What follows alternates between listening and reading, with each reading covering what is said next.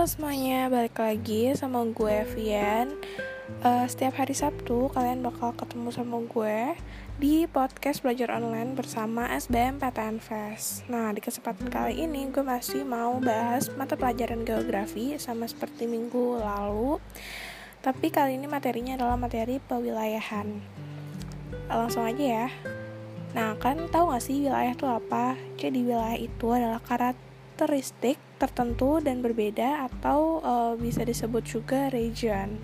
Nah, wilayah itu tuh ada dua, ada yang formal dan fungsional. Kalau yang formal itu uh, dilihat berdasarkan keseragaman dan homogenitas tertentu. Sedangkan kalau wilayah fungsional itu dilihat dari pusat kegiatannya, kayak kegiatannya tuh buat apa gitu. Nah, lalu uh, ada pusat pertumbuhan. Nah, dari pusat pertumbuhan ini kita ngeliat nih, dia itu pertumbuhan pesat dan berpengaruh atau enggak gitu ya. Jadi harus pesat dan berpengaruh. Terus untuk faktor pembentuk pewilayahan itu sendiri ada empat, yaitu ada SDM, fisiografi, fasilitas penunjang, dan sumber daya alam. Lalu kita mau ngebahas teorinya nih. Ada uh, tiga teori tentang pewilayahan. Yang pertama adalah kutub pertumbuhan atau perox. Jadi uh, ini sering disebutnya teori perox karena dia perox yang mengutarakan. Jadi teorinya itu adalah muncul di tempat tertentu dengan kecepatan dan intensitas berbeda. Lalu teori yang kedua yaitu tempat sentral atau ini dicetuskan oleh Christeller uh, di mana pewilayahan itu tuh adalah persebaran kota. Lalu teori yang terakhir, teori ketiga, teori kutub pertumbuhan yang dicetuskan oleh Veden, uh, pewilayahan itu adalah ruang ekonomi. Nah, lalu ada selanjutnya adalah interaksi wilayah. Apa sih interaksi wilayah itu? Interaksi wilayah itu adalah timbal balik yang saling mempengaruhi. Lalu faktor dari interaksi wilayah itu ada apa aja? Faktornya itu ada komplementaritas uh, atau saling melengkapi, terus juga ada transferabilitas dan peristiwa yang tidak terduga. Terus pengaruhnya apa aja sih? Untuk pengaruhnya sendiri, kalau misalkan kita ngomongin pengaruh pasti ada positif dan negatif kan ya kita bahas positifnya dulu deh. Kalau positifnya ini, ekonominya itu meningkat dan kesadaran serta pendidikan pun ikut meningkat. Tapi sisi negatifnya juga nggak kalah banyak gitu ya dari yang pertama itu banyak konflik terus yang kedua itu bersifat konsumtif terus um, hilangnya ciri khas. Lalu selanjutnya adalah ah, alih fungsi lahan ya. Jadi um, udah ber, udah berbeda lah kayak fungsi lahannya itu. Terus selanjutnya adalah individualisme ya berdasarkan sifat egois. Terus yang terakhir adalah materialisme. Lalu ada juga selanjutnya adalah pola keruangan desa. Nah untuk pola keruangan desa sendiri itu ada empat pola yang pertama itu adalah memusat itu dia puncak terus uh, selanjutnya adalah memanjang atau topografi Selanjutnya adalah terpencar uh, atau tidak beraturan. Lalu yang terakhir adalah pemukiman yang mengelilingi fasilitas. Kayak dilihat nih, uh, misalkan pemukiman yang di pinggir jalan gitu ya, karena kan um, kita pasti deket lah gitu ya kalau misalkan rumah di pinggir jalan banyak angkutan umum mudah ke mana-mana gitu beda sama desa yang memang terpelosok gitu kan Lalu selanjutnya ada interaksi desa kota. Nah, ini itu ada beberapa nih, ada dua.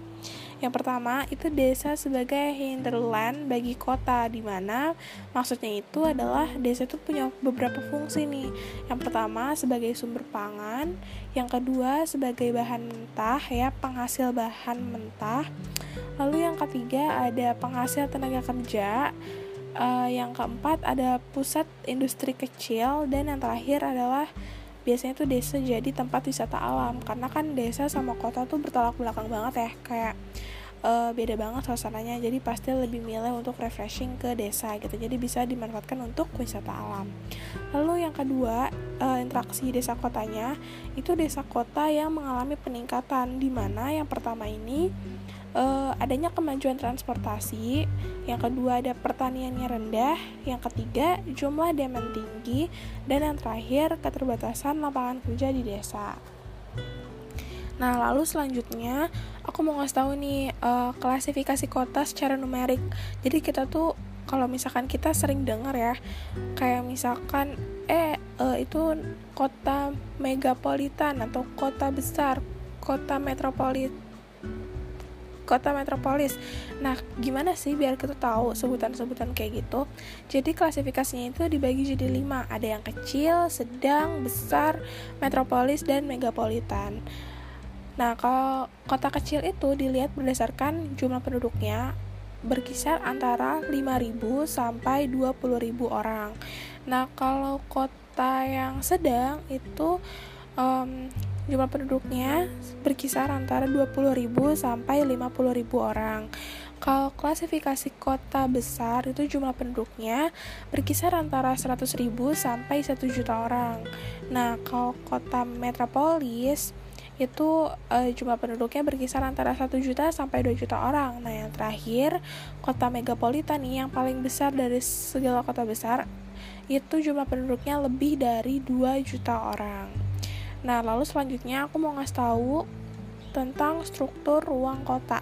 Jadi struktur ruang kota ini ada dua, yaitu ekonomi kota dan intern kota. Kalau misalkan ekonomi kota itu uh, dilihat dari kegiatan ekonominya, sedangkan kalau intern kota itu dilihat dari struktur bangunannya. Lalu um, yang terakhirnya aku mau ngasih tahu penjelasan tentang prinsip pembangunan wilayah apa sih gunanya gitu ya? Kenapa sih ada prinsip pembangunan wilayah? Jadi prinsip pembangunan wilayah ini bertujuan untuk meningkatkan fungsi lahan dan penataan kehidupan sosial ekonomi budaya pendidikan kesejahteraan masyarakat yang bertujuan pula untuk memajukan daerahnya. Lalu dari prinsip pembangunan wilayah ini nih dari penjelasan yang tadi aku sebutin ada prinsip dasarnya nih. Apa sih prinsip dasarnya? Ada empat yaitu adalah growth center atau sebaran dan pengaruh Lalu yang kedua ada upaya kerjasama pengembangan. Dan yang ketiga uh, ada pola atau integrasi integral. Dan yang terakhir adalah mekanisme pasar.